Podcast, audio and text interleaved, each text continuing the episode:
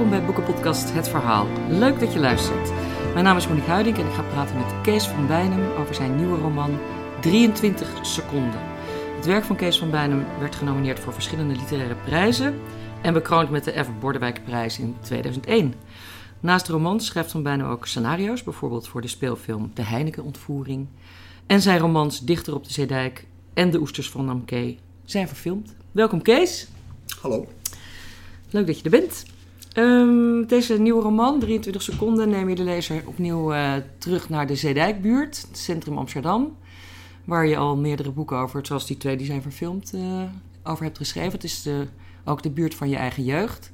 Dat is volgens mij wel genoegzaam bekend. Daar ben jij opgegroeid in een, uh, in een horecafamilie eigenlijk, hè, min of ja, meer? Klopt, ja, ja. En um, nu, neem je, nu ga je de lezer opnieuw terugbrengen naar die plek. Waarom wilde je er weer heen? Is het nog niet verteld allemaal? Ja, nou, ik, ik heb die, uh, die buurt heb ik uh, beschreven in, in een andere roman, Dichter op de Zeedijk. En, maar dat is de periode eind jaren 50 tot zo mm, halverwege, halverwege jaren 60. En ik, een aantal van mijn boeken speelt zich af in Amsterdam en ik, steeds in een andere periode. En ook soms weer gaat het om andere buurten van de stad. Uh, ik vind het wel leuk om, om, om die tijd, mijn, zeg maar mijn eigen tijd, een beetje in kaart te brengen. En dan ook in mijn eigen stad. En dan plaats ik tegen dat decor dan steeds een nieuw verhaal. Dat gaat niet zo rationeel als ik het nu vertel. want een verhaal ontstaat altijd heel intuïtief het overvalt me eigenlijk altijd wel. Heb je dan eerst uh, dat je wordt overvallen door een bepaalde thematiek of door een plot?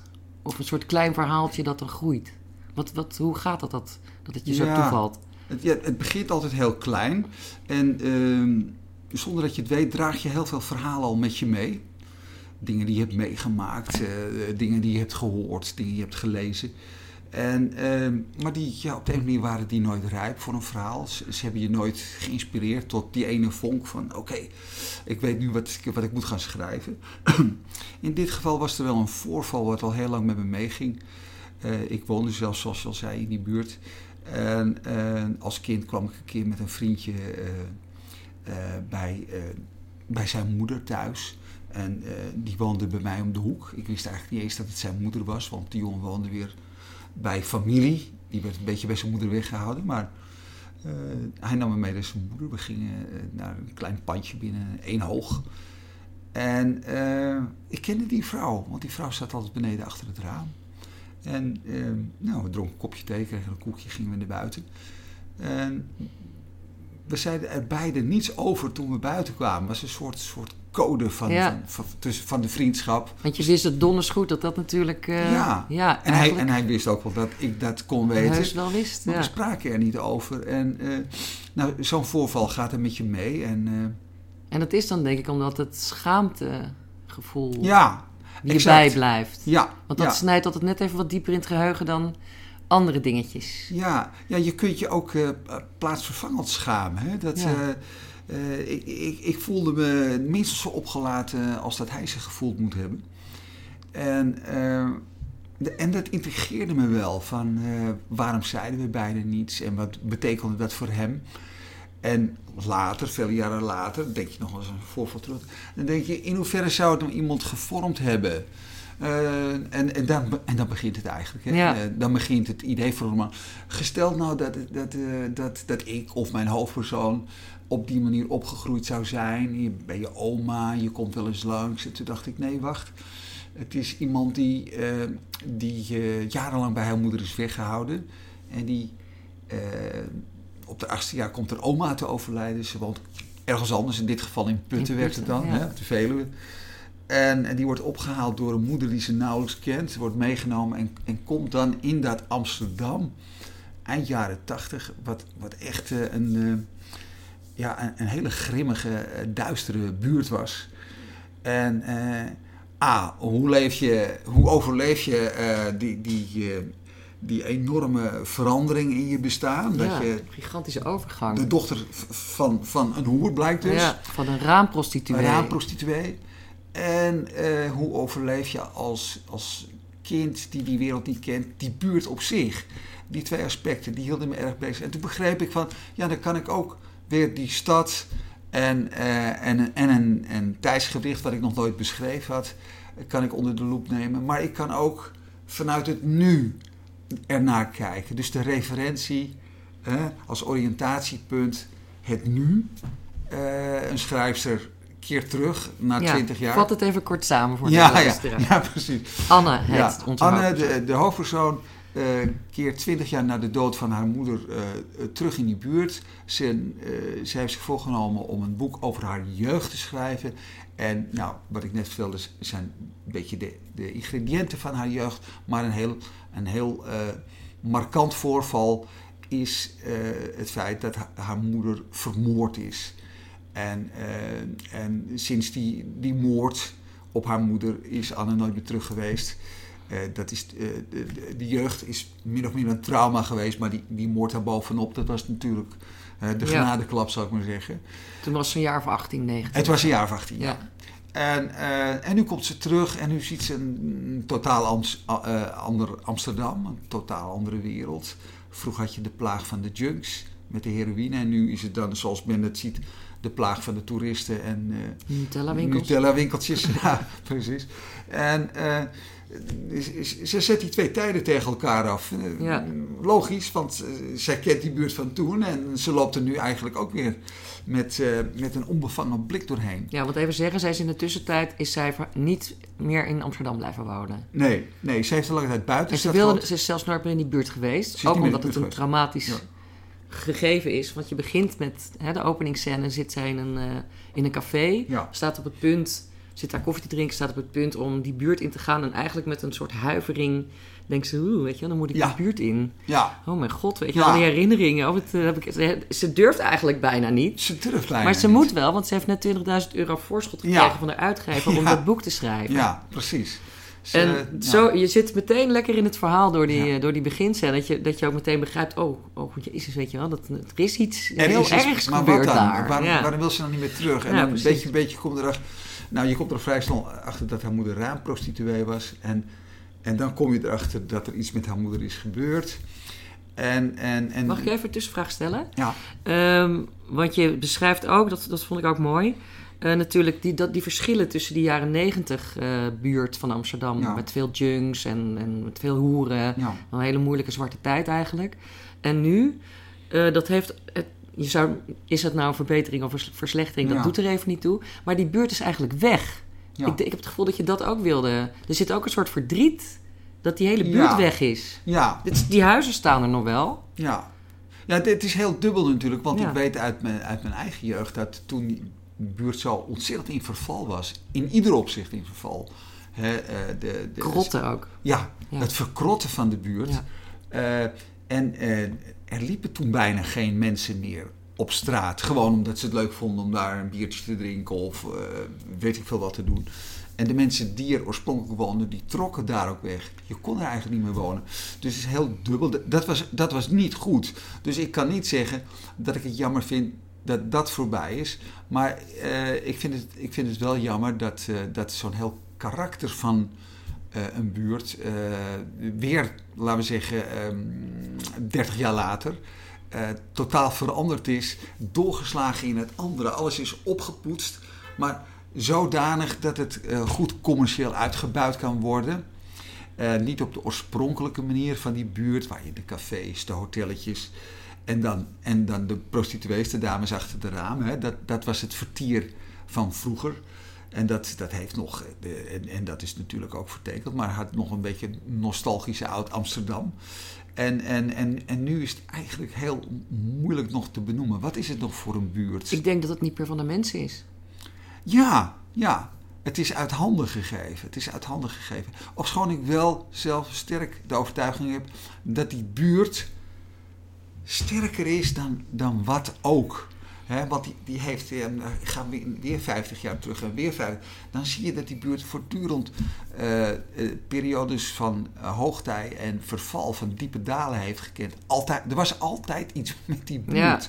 Ja. Dus ik, ik ben, dit, dit is ook een, een fase. Dit maar dan de- zou er weer verval moeten komen. Dat kan ik me nou niet meer voorstellen. Want het is nu zo ongelooflijk duur geworden. En Ja. opgeknapt. En Ja, precies. Dat ja, de mensen zijn eruit gehaald. je Het is nu van bedrijven en grote inst- in- Ja, beleggers. En, ja, precies. Ja, ja, de, en de mensen maken de buurt natuurlijk. de mensen maken de buurt en je ziet er nog wel wat eh, oude bewoners en ook wat eh, nieuwe instromers die nu allemaal natuurlijk ook heel sterk klagen over het feit dat het er zo druk is. Ja. Eh, zoals vroeger de mensen die toen woonden. Over de hoeren? ja, ja, klaagden over de junks en, en, en, en, en het verval.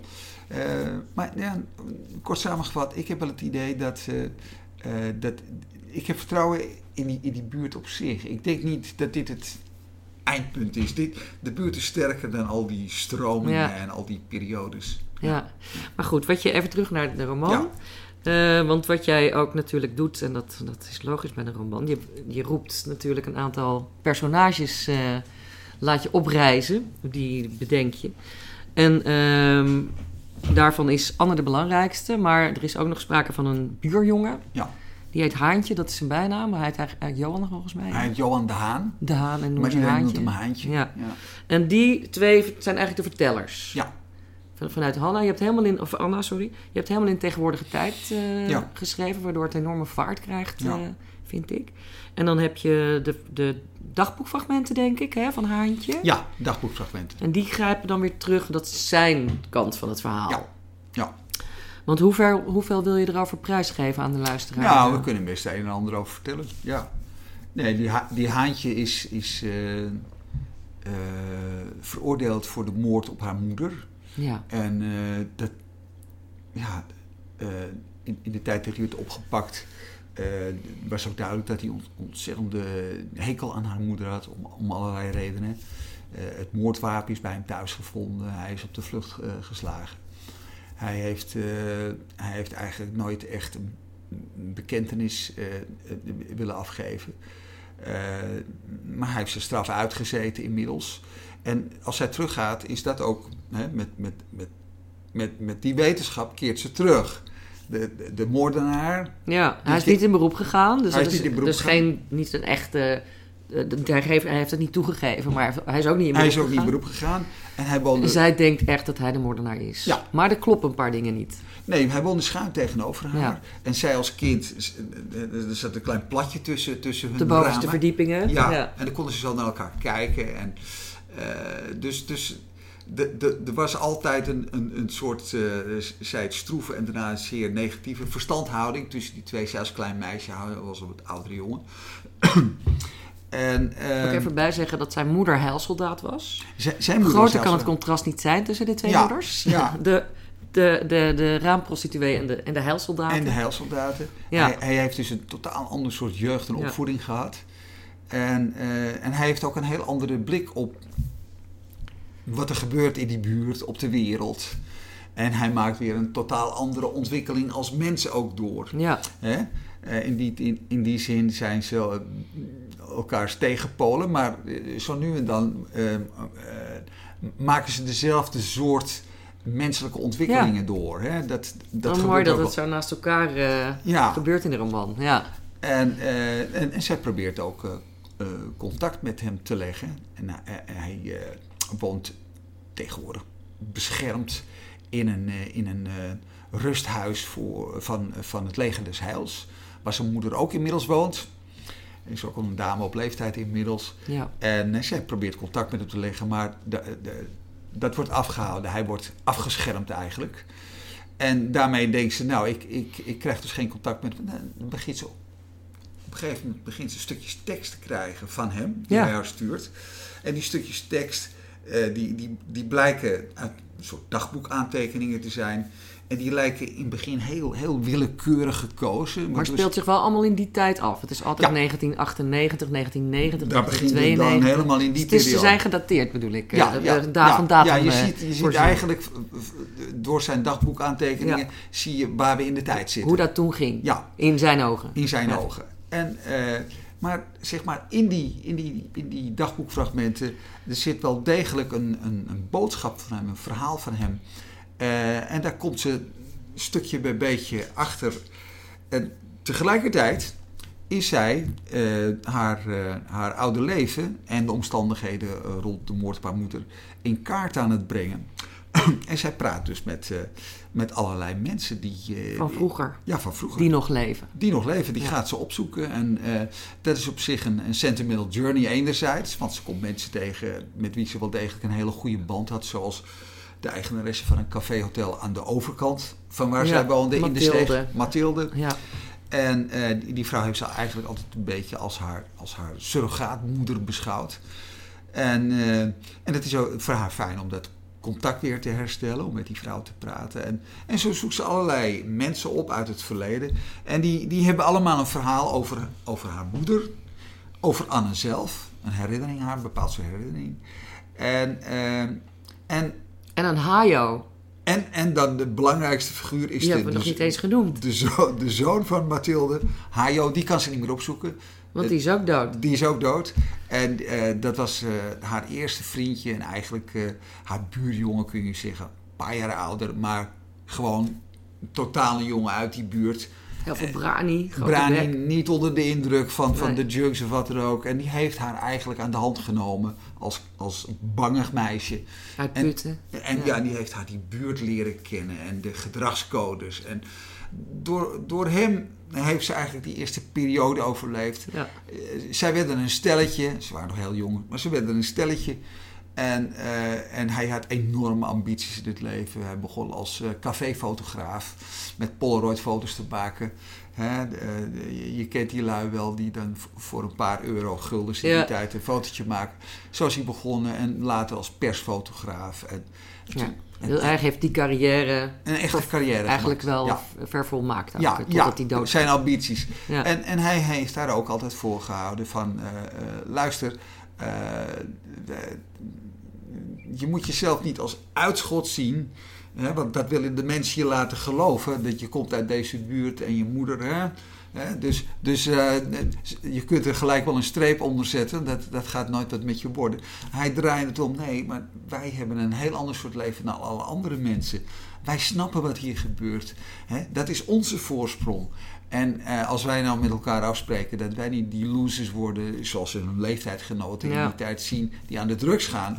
Als wij dat nou gewoon niet doen, dan gaan wij juist eh, daar ons voordeel van maken, Ja. van deze jeugd. Wat een heel mooie omkering is van de buitenstaander eh, die de, Juist. binnen, die de binnenstaander wordt. Ja. ja. En eh, in, in die zin is, is hij bepalend voor haar geweest. En veel van de mensen die ze spreekt, die beginnen natuurlijk ook over die fotografen, over... Want er is ook een overzichtstentoonstelling van Hayo ja, in eh, ja, een museum of Ja. een galerie. een paar jaar na zijn dood. Ja, en zij is ook gevraagd om de inleiding te schrijven. Want zij, is eigenlijk moeten, zij heeft al een bestseller geschreven. Ze heeft één boek dus zij geschreven, is een bestseller. beetje beroemde, Ja, beroemderige ja ze, heeft even, aan- ze heeft even aan de roem geroken. Ja, Dat is eh, weer een beetje ingezakt inmiddels. Eh, maar zij heeft een, een boek geschreven dat, eh, dat, eh, dat het goed heeft gedaan en, en veel publiciteit heeft gekregen.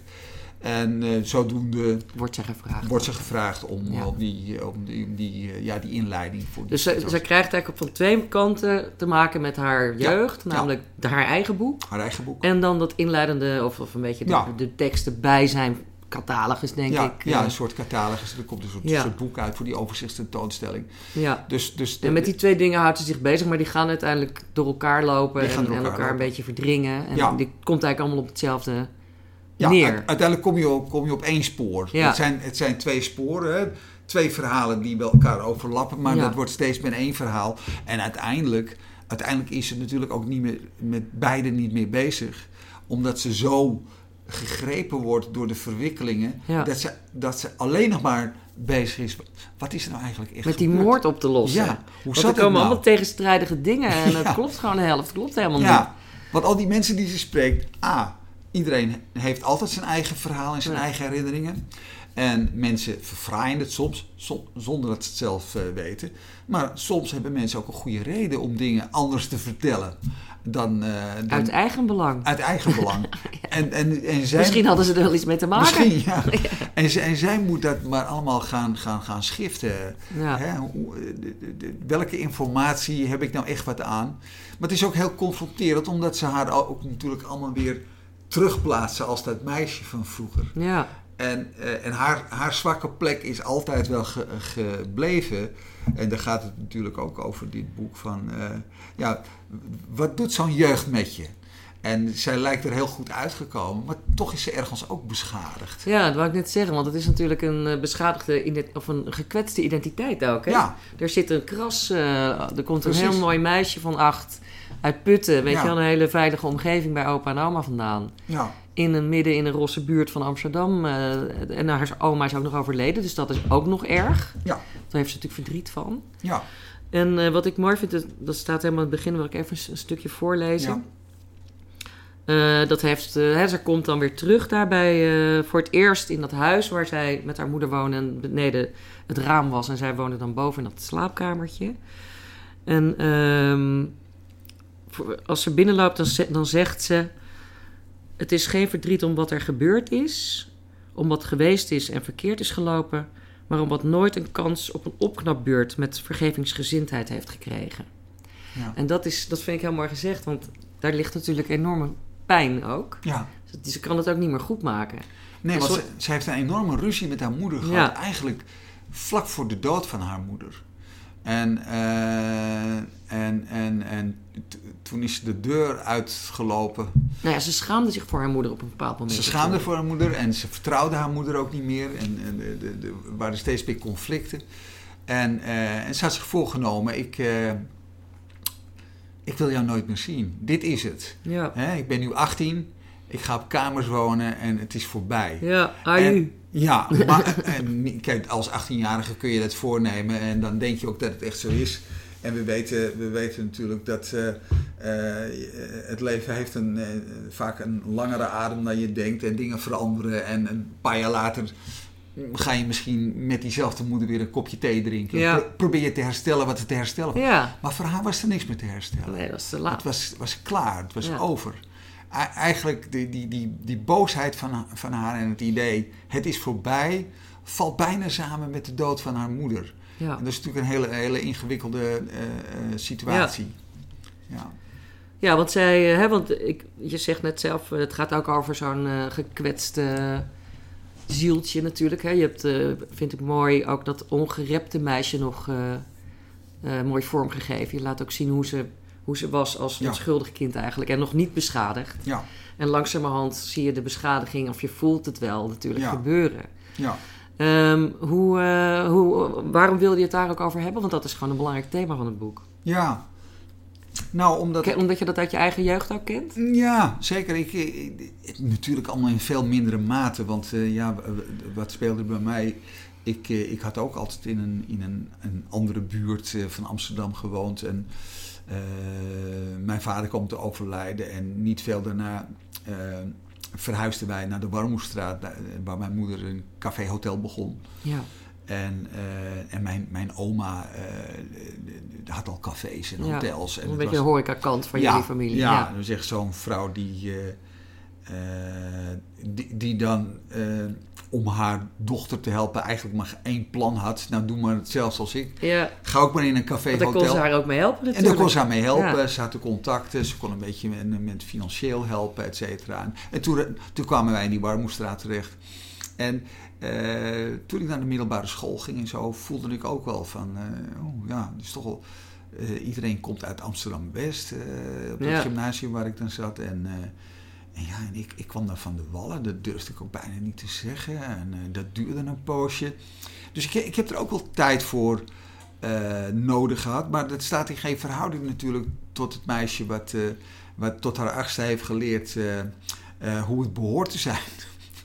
en dan, dan eigenlijk losgelaten wordt in die totaal andere omgeving. Ja, je had je moeder en, je, en je, misschien je, je, je zus of je broer, ik weet niet wat je... Ja, Die had had- je nog. ja, en ja, natuurlijk wel dat enorme verdriet van die overleden vader. Ja, Dus daar heb je, dat heb je wel een beetje naar gestopt. Maar je hebt het voor haar veel erger gemaakt. ja, ja, ja. Veel erger. V- Veel erger, Want ja. zij is helemaal alleen. Ja, ja, en ze zij kent die er moeder helemaal voor. niet. En die moeder is gewoon een keiharde hoer. Ja, ja, is een heel, ja, is een die, heel, die er ook meteen heel ordinaire kleertjes aan trekt. Ja, ja, ja als, ze als ze uit Putten aankomt, is het eerste wat haar moeder doet, is de, de, eh, met haar naar de CNA gaan.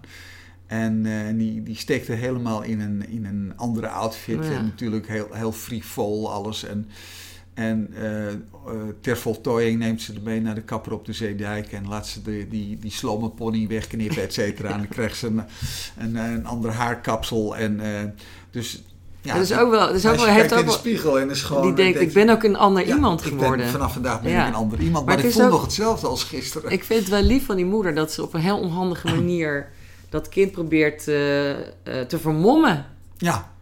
Van, ze, ze, komt helemaal niet uit put, ze komt hier vandaan. Kijk maar naar de kleren. Ja. En dat is, maar dat kind weet natuurlijk zich daar helemaal geen raad mee. Nee, die, die, die moeder probeert het op haar manier natuurlijk ook allemaal het wel. Ja. En uh, ja, het is gewoon iemand die, uh, die dat niet echt gegeven is hoe je dat, hoe je dat moet doen. Nee. En, uh, de, de, en, en dat is ook iets wat, wat mij interesseerde tijdens het schrijven. Van, kijk, we weten allemaal natuurlijk, als je iets over jezelf wilt begrijpen, dan, dan moet je eerst even naar je ouders kijken.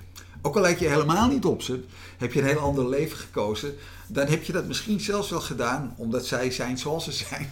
Weet je wel. Je moet altijd eerst even kijken. En wil je je ouders een beetje begrijpen, moet je weer naar je grootouders kijken. Uh, maar als, maar als, als, als zij dat doet, ze kijkt naar haar moeder en haar vader, die nog leeft, maar met wie ze helemaal geen contact heeft, dan, uh, dan ziet ze eigenlijk niets goeds dan het is het is heel, heel moeilijk voor haar. En, en dat is natuurlijk ook die grote vraag: wie ben ik nu eigenlijk? Ja. Wat, wat, kleeft dat aan me? Uh, bepaalt dat wie ik ben? Of is het niet juist gelukt om er helemaal los van te komen? Die eeuwige twijfel van: ben ik wel goed genoeg? Dat, dat zit eigenlijk in al die scènes, zonder dat het met zoveel woorden wordt gezegd, zit er toch wel een het komt vaak terug. Ben ik wel goed genoeg? Dus dat, het is ook het onderzoek naar, naar, die, naar die moeder. Het geeft ook onzekerheid, een basisonzekerheid. Ja, ja. En, dat je niet weet wie je eigenlijk bent. En toen haar vriendje wegviel, die, die, die Hayo, eh, ja, naast hem was hij natuurlijk hartstikke zeker van haarzelf. Want hij was voor, uh, voor tweeën zeker genoeg. Ja. En uh, het was een jongen die het leven... Uh, die kwam daar gewoon als een, als een raket uit de grond geschoten. Die en, en, met zijn wortel en al. Ja, die verslond het leven waar je bij stond. Die, die kende die angst en die twijfel nee. niet. Maar toen hij weer uit haar leven wegviel, uh, moest ze natuurlijk op een andere manier herstellen en proberen verder te komen. En ze heeft ook een hele, een hele zwakke periode gekend. Die, die, die wordt zo nu en dan wel even aangestipt. En daar, daar gaat haar eerste boek ook over. En dat boek heet uh, uh, Gek genoeg als je weer kijkt naar wie haar moeder was. En wat zij haar hele leven van plan is geweest, niet worden als haar moeder. De titel van het boek is uh, Het lichamelijk kapitaal. En gaat eigenlijk over de paar jaar dat zij losgeslagen heeft geleefd. En, en eigenlijk al die dingen heeft gedaan die ze niet wilde doen. Om erachter te komen van, ja oké, ik doe dit kennelijk om ergens los van te komen.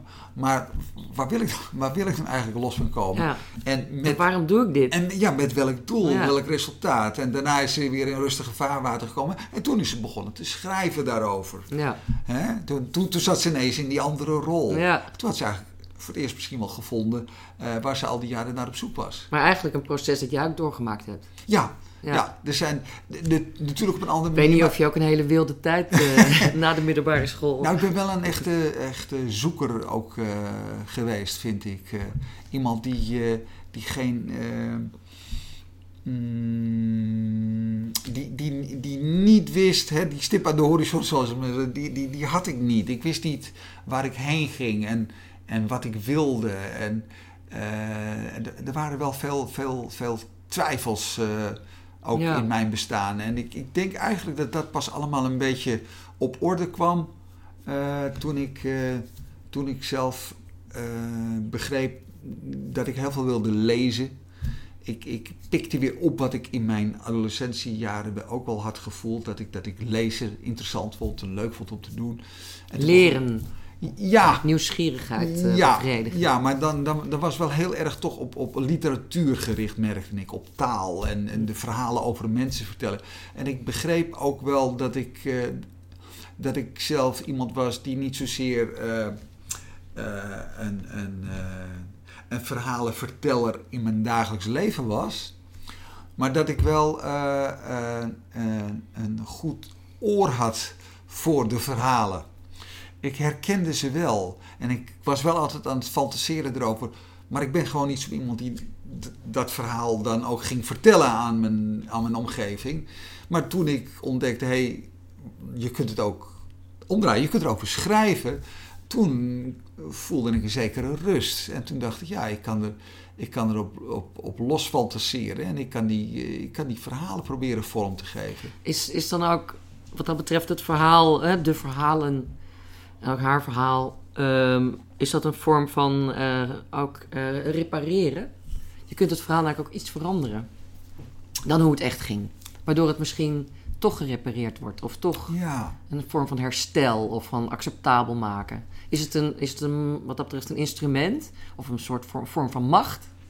Eh, misschien wel. Ik, ik heb zelf het idee dat ik.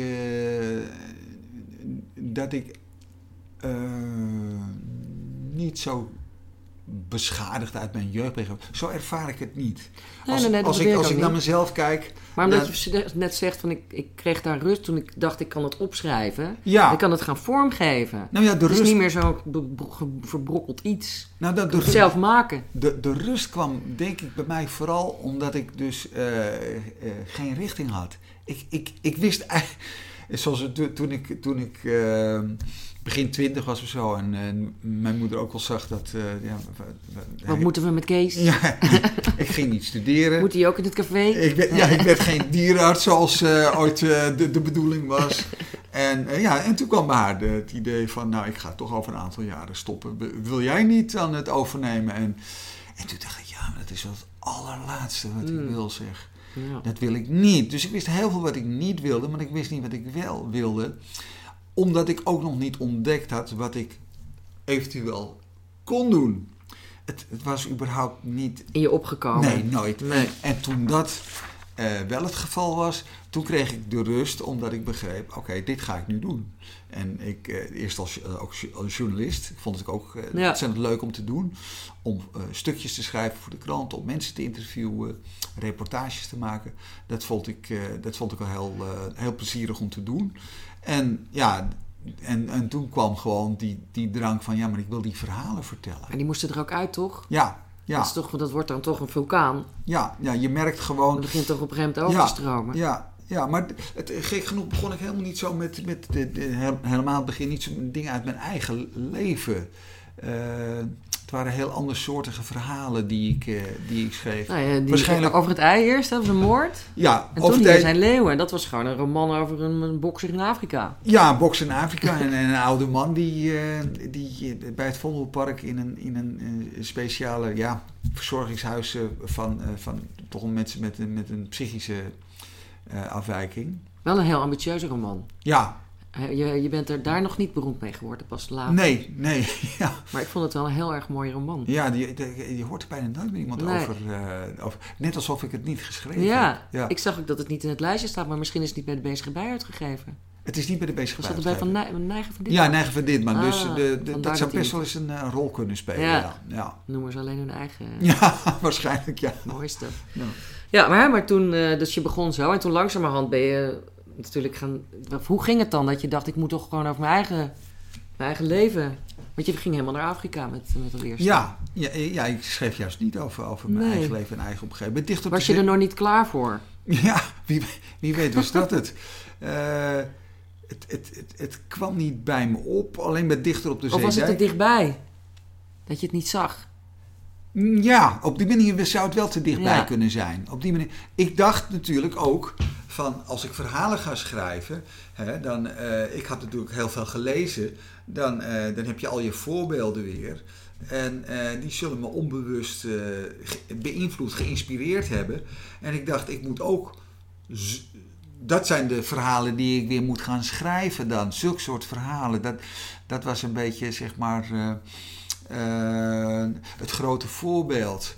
En, en, en, dus dan krijg je misschien allerlei vormoefeningen hè, en in eerste instantie. Zoeken. Ja, Zoeken naar de vorm. zoeken van. Ja. Wat, en, en dan, en dan komen de onderwerpen, die kwamen er wel steeds dichterbij. Toen Ja. Dicht op de Zeedijk is voor het eerst dat ik dat hele milieu in kaart heb gebracht. De buurt, het milieu. Niet mezelf, niet het jongetje, maar wel weer allerlei personages uit mijn, uit mijn eigen omgeving, familieleden, aan, tot familieleden aan toe. En wat me later. Uh, ben ze kwaad? Ja, ik weet want de, de grootmoeder in, in Dichter op de Zeedijk, die. die was een, hele stevige, supersterke vrouw. Ja, die was helemaal geënt op mijn, op mijn grootmoeder. En, ja. en toen kwam de, de haar, haar zuster, tante, tante Griet, uh, die, uh, die vroeg toen aan mijn moeder: Ja, moeder, dat, dat kan toch niet zomaar, zo'n boek. Met, met, en, uh, want Jo komt daarin voor, want zij was de tante Jopie, mijn oma. Ja. En ik vind het echt, dat, dat kan niet hoor. En dan probeerde mijn moeder nog uit te leggen: Ja, maar het is een roman. En, en dan het gaat zo, dan maken ze er weer een eigen verhaal van. Ja. En, en, en toen kwam, toen zei ze: van Ja, dat vind ik nog eens het ergste, want het is nog allemaal gelogen ook. dus, dus dat is wel een dilemma. Van wat je verweten dat je over de mensen zegt, maar het wordt ook verweten het is niet eens echt waar. Het is niet eens echt waar. En, en, eh, maar goed, dat, dat, dat, dat ervaar je zelf tijdens het schrijven natuurlijk ook wel. Dat je, dat je, als, je als je er terugleest, is het voor mij helemaal niet meer iets wat, wat, wat, wat uit mijn eigen leven komt. Het is gewoon dat verhaal geworden. Dat is ook het enige wat telt. Van, ja. Werkt het in het verhaal en hoe past het daarin? Maar dat bedoelde ik net ook, want dat probeert Anne in het boek ook een beetje te doen. Door het verhaal te schrijven, je eigen autobiografisch verhaal dan een beetje te, te laten afwijken, herschep je je eigen leven. Ja. Dus dat is een, ja. dat is een bepaalde macht ja. die je hebt, die je eerst niet had. Dat is waar. Maar dat, dat gevoel hebben schrijvers denk ik toch wel vaak uh, omdat ze, als ze aan een uh, roman werken, uh, natuurlijk in, in, in, in dat parallele leven wel een jaar of twee jaar zitten, zolang als ja. het duurt om het te schrijven. Dat je iedere dag stap je toch weer even over van je eigen bestaan naar het andere bestaan. Ja. En dat is, dat, zeker in die intense schrijfperiodes, dat is minstens zo, zo echt ja. en dominant aanwezig als... Uh, Droom jij er ook over, als je dat aan het schrijven bent? Ja, ik kan, ik kan, ik, ja, ik, ik kan wel... Uh, ja, ik, ik heb wel uh, bijvoorbeeld bij, bij 23 seconden... heb ik wel bepaalde scènes die ik, dan, die ik dan al in gedachten had... Die, die, daar heb ik over gedroomd. En... Uh, en, en, en, dan maken ze toch, als je dan weer verder gaat met schrijven eraan, maken ze, uh, maakt het nog iets echter voor je gevoel. Uh, Want je hebt het al een keer gezien? Ja. Ja, ja je hebt het een keer meegemaakt Het is gevisionaliseerd. Je, hebt het, je hebt het nog een keer ervaren. Ja. En dat, dat, dat kan best goed werken, ja. merkte ik. Ja, ja. Met, met name ook... ik, heb, ik, ik heb zelf als, als jongetje ben ik ooit eens op een fietsje aangereden. had ik net een fietsje. En ik woonde ergens in Amsterdam. En uh, de reden toen nog niet zo gek veel auto's. Maar toch wel voldoende om... om Jou aan te rijden. Om, mij aan te rijden. en uh, en uh, ja, dat, dat was best indrukwekkend. En ik, ik weet wel dat ik...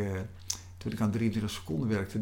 dat, er, dat ik weer op een fietsje zat. Maar nu in die, in die buurt waar mijn boek over gaat. Want er komt ook zo'n ongeluk in voor. En er komt zo'n ongeluk in voor. En, en, en in die droom, zoals dat gaat in een droom.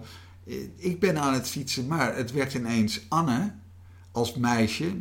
Waar ik in die dagen natuurlijk iedere dag over schreef, over de jeugd van haar. En die werd ook aangereden. En, uh, maar het, het, was iemand anders die uitstapte. En, en toen ik er aan weer toen ik begon te schrijven, wist ik, ja, dit is gewoon een heel, heel uh, uh, interessant uh, gegeven wat me nu wordt aangereikt. Want voor mij was het, mijn herinnering was als kind, ja verdomd, ik was toen aangereden. Het was levensgevaarlijk en ik had een hersenschudding. En mijn vader maakte toen uh, een, een, houten, want ik wilde altijd een dolk hebben als jongetje, maar die kreeg ik niet. Maar die maakte van hout een dolk voor me. Als troost. En, ja, als troost. Dat, dat, dat, is voor mij die, maar voor haar begreep ik, nee, het is iets anders voor haar. Want die mensen, dat zijn hele nette mensen, die willen haar even terug naar haar huis brengen. Die haar aan hebben gereden. Ja. En met iedere stap dat zij dichter bij het huis van uh, waar ze woont, uh, komt met die twee lieve mensen die haar naar haar moeder willen brengen, kan, denkt ze steeds meer: zometeen zit mijn moeder uh, voor het raam. Nou, dat kan niet. En ik, die, die, mensen mogen absoluut niet zien. Deze mensen mogen niet zien dat zij mijn moeder is. En, en, en dan op het allerlaatste moment eh, neemt ze die mensen mee naar binnen in het eh, café hotel van Mathilde. Uh, schuin aan de overkant naar binnen en doet ze net op Mathilde haar moeder is en die speelt het met haar mee. En, uh, en toen, toen had ik een, een, een heel, dus die droom, die reikte iets aan en ik kon er iets anders mee, want het, het paste perfect in, in mijn ja. verhaal. Ja. Je, had, je had ineens, uh, kon je helemaal duidelijk haar schaamte ja, ja. echt goed even ja. verbeelden. En er waren heel veel mogelijkheden geweest. Nee, maar, maar en nu was het gewoon dat fietsen, dat aangereden worden. En, enfin, dus, dus een droom kan soms... Want een plotwending. Ja, maar vaak, vaak weet je het niet meer na het schrijven. Maar dit, dit herinner ik me nog. Ja. ja. En had je zelf ook nooit meer aan dit hele ongeluk uh, gedacht? Nee, nee. Nee, ja, precies. Is grappig, hè? want dan komt het uit je onbewuste. Dat wordt ja, dan aangereikt. Interessant hoe dat, hoe dat allemaal aanwezig is. En alleen maar onder hele specifieke omstandigheden ook uh, zich openbaart. Hè? Ja. Bijvoorbeeld in een droom. Ja. Het kan ook zijn als je op straat loopt en er Ineens een iets. herinnering. En, uh, ja. en je kijkt ernaar en je bent, je bent 40 jaar terug in de tijd. Ja. En, uh, en, uh, en, en, en, en, je loopt weer in je, je korte broek over straat. En ja. alles bijna zintuigelijk aanwezig. Ja. ja, en dat is ook zo fascinerend. En dat is natuurlijk ook van het schrijverschap überhaupt fascinerend. Want ja, je bent... Het is niet alleen maar dat je dat... zoals de lezer, die leest het boek in, in een dag uit. Ja. Maar de schrijver zit er een jaar of twee uh, aan te worstelen. Ja. En, uh, maar je creëert inderdaad een, een, een heel... Een, een kathedraal eigenlijk in, van woorden. Ja. Met overal kleine raampjes en deurtjes. Ja, zeker. Steegjes, ja. pleintjes. Nee, in mensen. dit geval heel veel steegjes en bruggen. Ja. En, uh, en uh, wat dat betreft is het ook wel... Het is een tovermachine. Ja, ik, vind, ik, vond, ik, vond het, ik vond het ook wel interessant om om, om, om die tijd en het hele decor uh, heel precies terug te halen. Ja. Uh, behalve dat je een, een, een, een interessante psychologische roman uh, wil schrijven. En in dit geval ik ook nog me had voorgenomen. Ik wil er een heel spannend boek van maken. want je moet jezelf als schrijver toch ook voortdurend blijven prikkelen. Ja. En ik, zo nu en dan kies ik voor een, voor, voor een vorm uh, die ik nog niet eerder heb uitgeprobeerd. En uh, nou, om te ontdekken wat levert dat nou weer op. En, uh, maar ik, de, de, de precisie van, van, van dat decor, ik, ik denk echt dat je over, als dat boek over, in alle bescheidenheid zeg ik dat, over 30 jaar door iemand uit de kast wordt geplukt. En, die, en die, zou, die zou die stukken lezen over Amsterdam eind jaren 80, begin jaren 90 en het nu. Uh, dat hij toch een heel aardig beeld krijgt. Uh, hoe het er toen uitzag en hoe het er toen toe ging. Ja. En uh, dat, dat vind ik. Vind ik het is ook een historische reconstructie. Ja, als, dat ja. vind ik ook een leuk onderdeel van het schrijverschap. Ja. Dat je dingen even, even vastlegt, een soort tijdcapsule maakt. Van als je dit nu leest, dan, dan, dan, begrijp je een beetje hoe die stad er toen uitzag en hoe de omgangsvormen waren. Ja, ja, ja, ja, ja. Nou, dat is hartstikke goed gelukt. Dankjewel. Een laatste vraag. um, wordt het verfilmd? Want dit schreeuwt om een verfilming. Ja, dat, dat, dat weet je nooit. Staan de, staan de producenten al uh, aan je deur te bellen? Nee, nee dat, dat, is nog niet het geval. Maar uit ervaring weet ik dat. Uh, dat uh, dat, dat is of, of binnen twee weken, maar, maar soms niet. is het ook over een half jaar, drie kwart Oh, jaar later. Dat iemand, ik heb wel gehoord van iemand die ermee bezig is, Ja, hè, maar dat heeft nog niet eh, geleid tot een, tot een contract of wat dan ook. nee.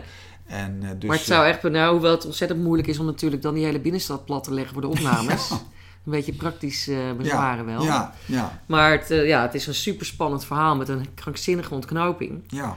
En dat gaan we natuurlijk niet zeggen tegen de Nee, luisteraar. Dat, we dat dus is het enige wat moeilijk is met dit boekje. Je, je, kunt, niet- je kunt niet Je kunt het echt... niet over die 23 seconden Nee, hebben. nee, nee, nee, nee. Dat moeten de lezers zelf, Dat moeten ze eh, zelf uitvinden. Ja, Oké, nou dankjewel voor dit gesprek. graag gedaan. Ik sprak met Kees van Bijnem over zijn nieuwe roman 23 seconden. Je kunt je abonneren op deze podcast via iTunes, Stitcher, Soundcloud en Spotify. En dan krijg je een berichtje als er een nieuwe aflevering is. Ehm, en als je een waardering of een review achterlaat op iTunes, kunnen andere luisteraars deze podcast ook weer wat makkelijker vinden. Dus dat zou ontzettend aardig zijn als je dat zou willen doen. Um, je kunt mij ook als onafhankelijke podcastmaker financieel steunen met een donatie. Dat kan via de website podcasthetverhaal.nl. En dan op de pagina Steun het Verhaal kun je een bedrag naar keuze overmaken. Alvast hartelijk dank en tot de volgende keer.